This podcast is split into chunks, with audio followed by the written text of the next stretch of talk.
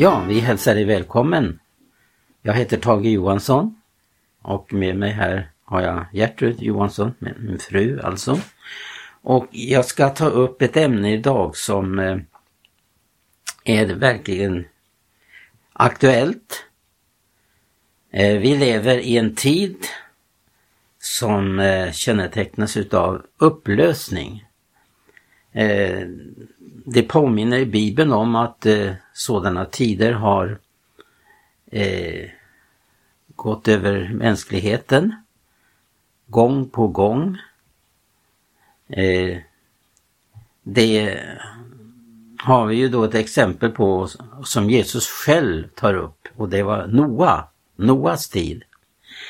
Och han säger att så som det var på Noas tid så ska det vara i Människosonens dagar. Han jämför då vår tid eftersom vi lever i en sådan tid där det handlar om ett samhälle i upplösning. På Noas tid så var hela mänskligheten genomsyrad utav detta som eh,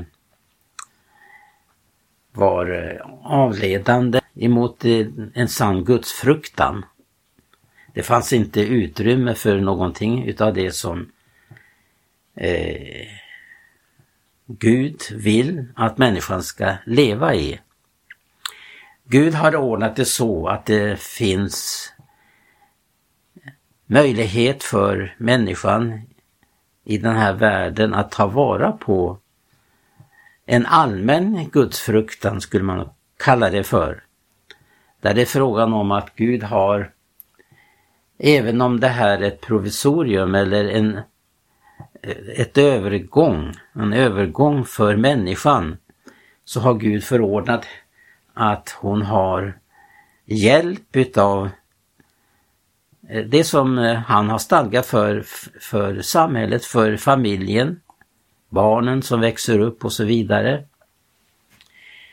Men när människan överskrider detta så drabbas hela mänskligheten utav som eh, vi kan eh, använda ordet upplösning. Den nuvarande världsordningen, skriver Paulus, går mot sin upplösning. Och detta innebär att det, det blir eh, katastrofala följder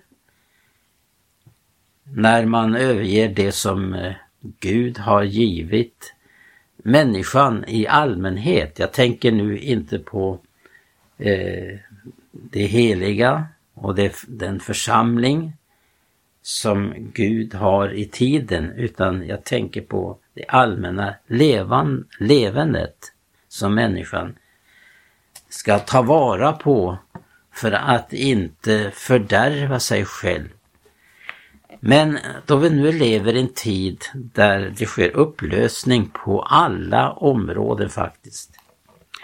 Och det är inte alls att förundra att Jesus jämför våra, vår tid med Noa och Lots tid. Vi vet hur det var på Lots tid. Det har vi ju då tydligt eh, vittnesbörd ifrån skriften. Men nu ska vi tänka på att eh, då det gäller församlingen som lever i den här världen och är kallad att leva ett annorlunda liv. Att inte dras med utav de upplösande krafterna. Det finns ett eh, starkt vittnesbörd i eh, i, i brevet, andra brevet till Thessalonikerna är det väl det står. Om eh, hur en laglöshetens människa, fördärvets man, eh, ska träda fram eller har trätt fram i men som helt ska överta, eh, ska personifiera laglösheten och därför så kallas han för fördärvets man. Det här ska bli eh, gestaltat i en människas liv som då kallas för laglöshetens människa, fördärvets man. Och det är en vedersakare som upphöver sig mot allt vad Gud heter och allt som kallas heligt. Så han tager sitt säte i Guds tempel och, fördär, och, och förgiver sig vara Gud. Han påminner Thessalonikerna att kom ihåg att jag har nu sagt er detta men jag ännu var hos eder. Det finns ännu någonting som håller honom tillbaka. Det står det i, eh, jag läser nu från andra, Korinter, an, eh, andra brevet till Thessalonikernas andra kapitel och där står det i sjätte versen. Och veten vad det är som håller honom tillbaka så att han först när hans tid är inne kan träda fram. Redan är ju laglöshetens hemlighet verksam. Allenast måste den som ännu håller tillbaka först skaffas ur vägen.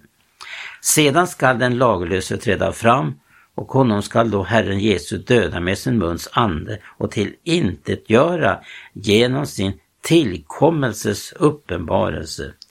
Honom som efter Satans tillskyndelse kommer med lögnens alla kraftgärningar, tecken och under och med orättfärdighetens alla bedrägliga konster för att bedraga dem som går förlorade till straff därför att icke gåvo kärleken till sanningen rum så att de kunna bliva frälsta.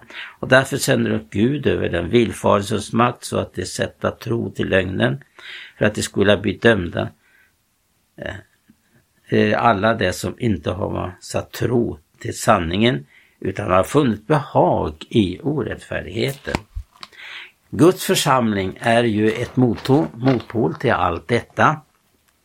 Och det är helt uppenbart att det som ännu håller denne laglöshetens människa tillbaka, antikrist, det är just detta att församlingen har fortfarande en uppgift i tiden. Vi skall eh, förstå att församlingen har en oerhört uppgift i tiden. Den har verkligen en stor uppgift och är en, som sagt en motpol till denna världens förste och hans rike. Som Jesus säger, hela världen är i djävulens våld.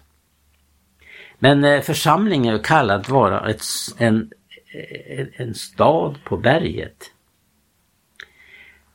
Och det var det som eh, inspirerade apostlarna till att upprätta det som tillhör ett sant församlingsliv. Vi har ett exempel i Korinthierbrevet eh, hur eh, man hade stor möda till att komma till rätta med ting som, som ännu inte hade man kommit till rätta med i Korinteförsamlingen. Jag ska be Gertrud läsa. Vi, har ett, vi kan ta ett exempel från vad Paulus skriver i eh, eh första Korinthierbrevet, det sjätte kapitlet. Om du läser därifrån vers 1. Mm. Från vers 1 till ja. vers 11. Ja, det står så här i sjätte kapitlet. Hur kan någon av er ta sig för att när han har sak med en annan gå till rätta, icke inför de heliga utan inför de orättfärdiga? Vet ni då icke att de heliga ska döma världen? Men om nu ni ska sitta till doms över världen, är ni då icke goda nog att döma i helt ringa mål? Ni vet ju att vi ska döma änglar. Hur mycket mer bör vi icke då kunna döma i timliga ting? Och likväl, när ni nu har före något mål som gäller sådana ting, sätter ni till domare just dem som är ringa aktade i församlingen. Er till blygd säger jag detta. Är det då så omöjligt att bland er finna någon vis man som kan bli skiljedomare mellan sina bröder? Måste istället den ene brodern gå till rätta med den andre och det inför de otrogna. Överhuvud är det redan en brist hos er att ni går till rätta med varandra. Varför lider ni icke hellre orätt? Varför icke andra göra er skada? Istället gör ni nu själva orätt och skada, och detta mot bröder. Vet ni då icke att de orättfärdiga icke ska få Guds rike till arvedel? Far icke vilse. Varken otuktiga människor eller avgudadyrkare eller äktenskapsbrytare, varken de som låter bruka sig till synd mot naturen eller de som själva övar sådan synd. Varken tjuvar eller giriga eller drinkare eller smedare eller roffare ska få Guds rike till arvedel. Sådana vore och somliga bland eder, men I har låtit två er rena. Ni har blivit helgade, ni har blivit rättfärdiggjorda i Herrens Jesu Kristi namn och i vår Guds ande. Ja, som vi förstår av eh, Korinthierbreven så var det stora problem i, i Korint, i den församlingen som fanns där. Men det som är oerhört gripande är just detta att det trots allt handlade om ett uppbyggnadsskeende. Apostlarna eh, de liknades ju vid eh, byggmästare som bygger. Man bygger upp alltså Guds församling. Och så var det då också för Korintheförsamlingen att det pågick ett uppbyggnadsskeende där.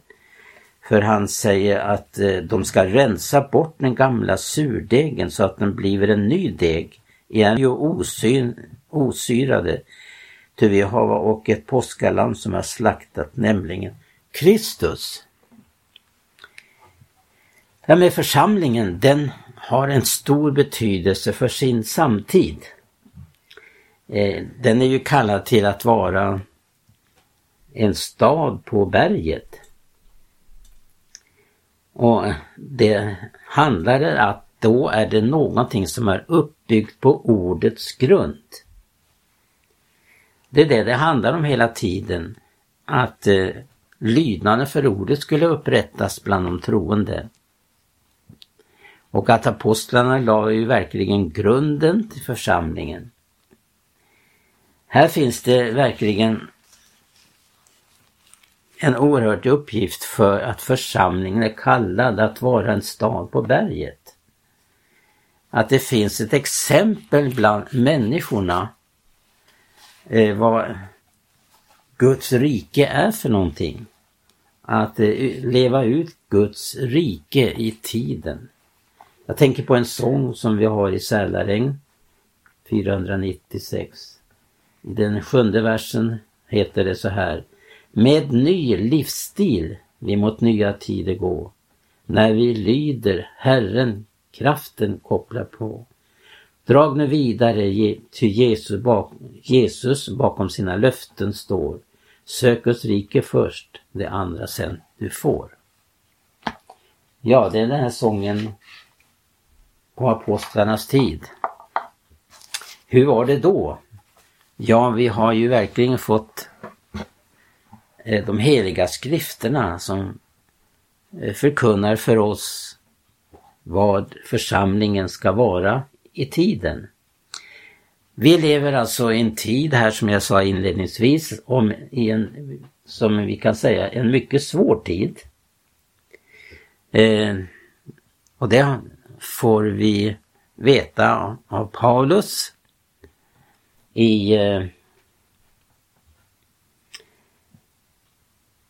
det står i eh, Korinthierbrevet och han säger också eh, i andra, Tessa, andra Timoteus 3.1 om svåra tider som skall komma.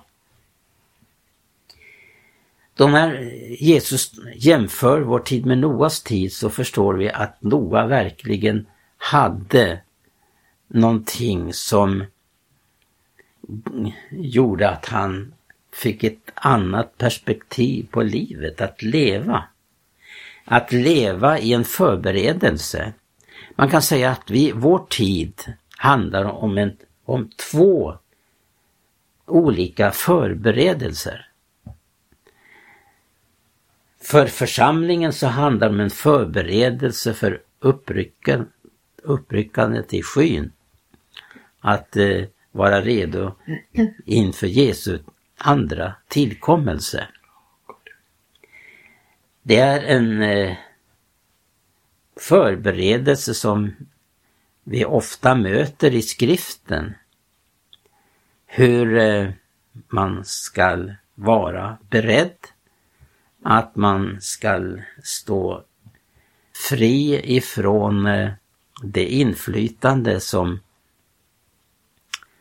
vi möter i den här tiden. Den här världsordningen, den här världsandan. Den eh, plågas vi av dagligen och stundligen. Så som, som Lot, han plågades i rätt, sin rättfärdiga själ. Men vi är ju kallade inte att leva i Sodom, billigt talat, utan vi ska leva så som Abraham levde sitt liv. Han valde en annan väg. Han var inte bara rättfärdig, Abraham, han också utövade rättfärdighet. Det fanns inget utrymme i, i Sodom att utöva rättfärdighet. Men som sagt så var ju Lot en rättfärdig människa och i, i det tillstånd och i det förhållande han levde så led han svårt av att se allt detta. För vi ska, om vi lever i världen så ska vi inte leva av världen, säger Jesus. Och han understryker det att och påminner lärjungarna om att ni ska inte förvånas över att vad världen hatar er därför ni har av mig blivit utvalda och tagna ut ur världen, uttagna från ett sammanhang. Därför uppmanar Paulus korinterna att rensa bort den gamla surdegen. Ja, om vi då lever, som Jesus säger, i Noas tid, så som det var på Noas tid så ska det vara i Människosonens dagar. Men vi lever alltså i två förberedelser. Bruden förbereder sig för att vara med om en sammanvigning med sin brudgum. Och det åstundar ett bröllop i himmelen. Och Bibeln uppmanar gång på gång att eh, eh, leva vårt liv så att vi kan gå in med vår brudgum in i bröllopssalen. För att det står ju det att de som var redo gingo in med honom till bröllopet. Två förberedelser. Den här världen är inne i en, påtaglig förberedelse för att mottaga sin Herre, sin Antikrist. Och därför ser vi upplösningskrafterna verka i vår tid på alla områden. I familjen, i skolan. Eh, ja, hela samhället är genomsyrat av detta med en antikrist livsstil. Det, hela vår tillvaro präglas av en livsstil, så som det var på Noas tid, den präglades av en livsstil, säger Jesus. Så som det var på Noas tid. Hur levde man på Noas tid? Ja, man var upptagen av detta närvarande. Allting var fokuserat på människans egoism och eh, söka att få eh, en så bra komfort som möjligt här i tiden. Men eh, Noa han fick en uppenbarelse om hur han skulle handla. Och eh, han gick en helt annan väg.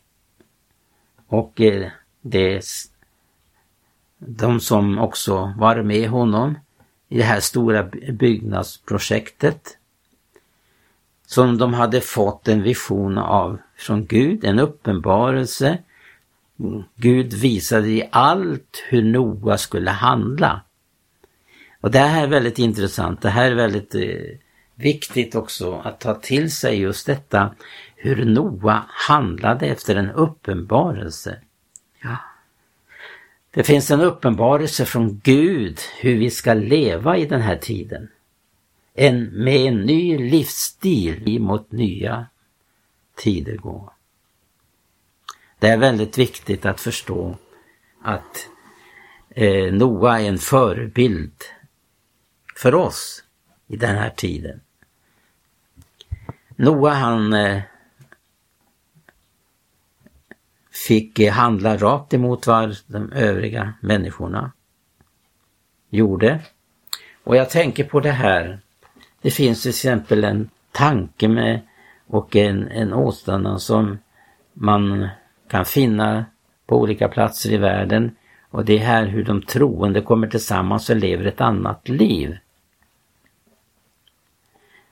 Det är ju inte frågan om att vi ska ha eh, som det, Sim, Simpson hade en fleta här och en fleta där. Det som eh, var hans undergång. Att han förlorade Guds välsignelse och Guds kraft över sitt liv. Och för Noas del så Eh, fick han gå en helt annan väg än de övriga människorna levde. Han var avskild och eh, när jag tänker på att man har den här längtan på många platser i vår värld att leva tillsammans, att de troende leva tillsammans. Att leva ett annorlunda liv. Det känner vi till genom de konferenser vi haft. En ny livsstil, att leva ett annorlunda liv att identifiera oss med detta folk som Gud tog ut ifrån Egypten. Ett annorlunda folk som levde för sig själva. Och det här är väldigt viktigt att de troende får stöd av varandra till att leva i en ny livsstil än den som är allmänt vedertagen. Att vara en religiös människa det det innebär att man eh, försöker leva i den här världen utan att man eh, och för, framförallt då för att undvika den här konfrontationen med världen. Det blir ju så att lever man på ett annat sätt så blir det så eh, stor uppmärksamhet kring det. Och det är det som är så stort och viktigt för den troende. Att, som är kallad till att vara ljus och salt i världen. Därför har vi det här med de kristna kommuniteter en väldigt stor och viktig del för att vi ska kunna bevaras. Jag tänker också på det här ordet som står i Filipperbrevet att vi ska med fruktan och bevan arbeta på vår frälsning. Det var precis det Noa gjorde. Han arbetade på sin frälsning. För Gud är den som verkar vilja. Det var Gud som stod bakom detta projekt som Noa gick in i. Och han gjorde allt vad Gud hade sagt. Och det är det som vi är vår frälsning här i tiden, att vi handlar efter vad Guds ord säger.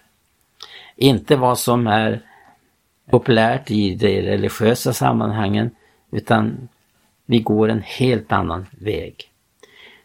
Ja, vi önskar dig Guds välsignelse och ta vara på detta var med Noa och hans sätt att leva sitt liv, att förbereda sig.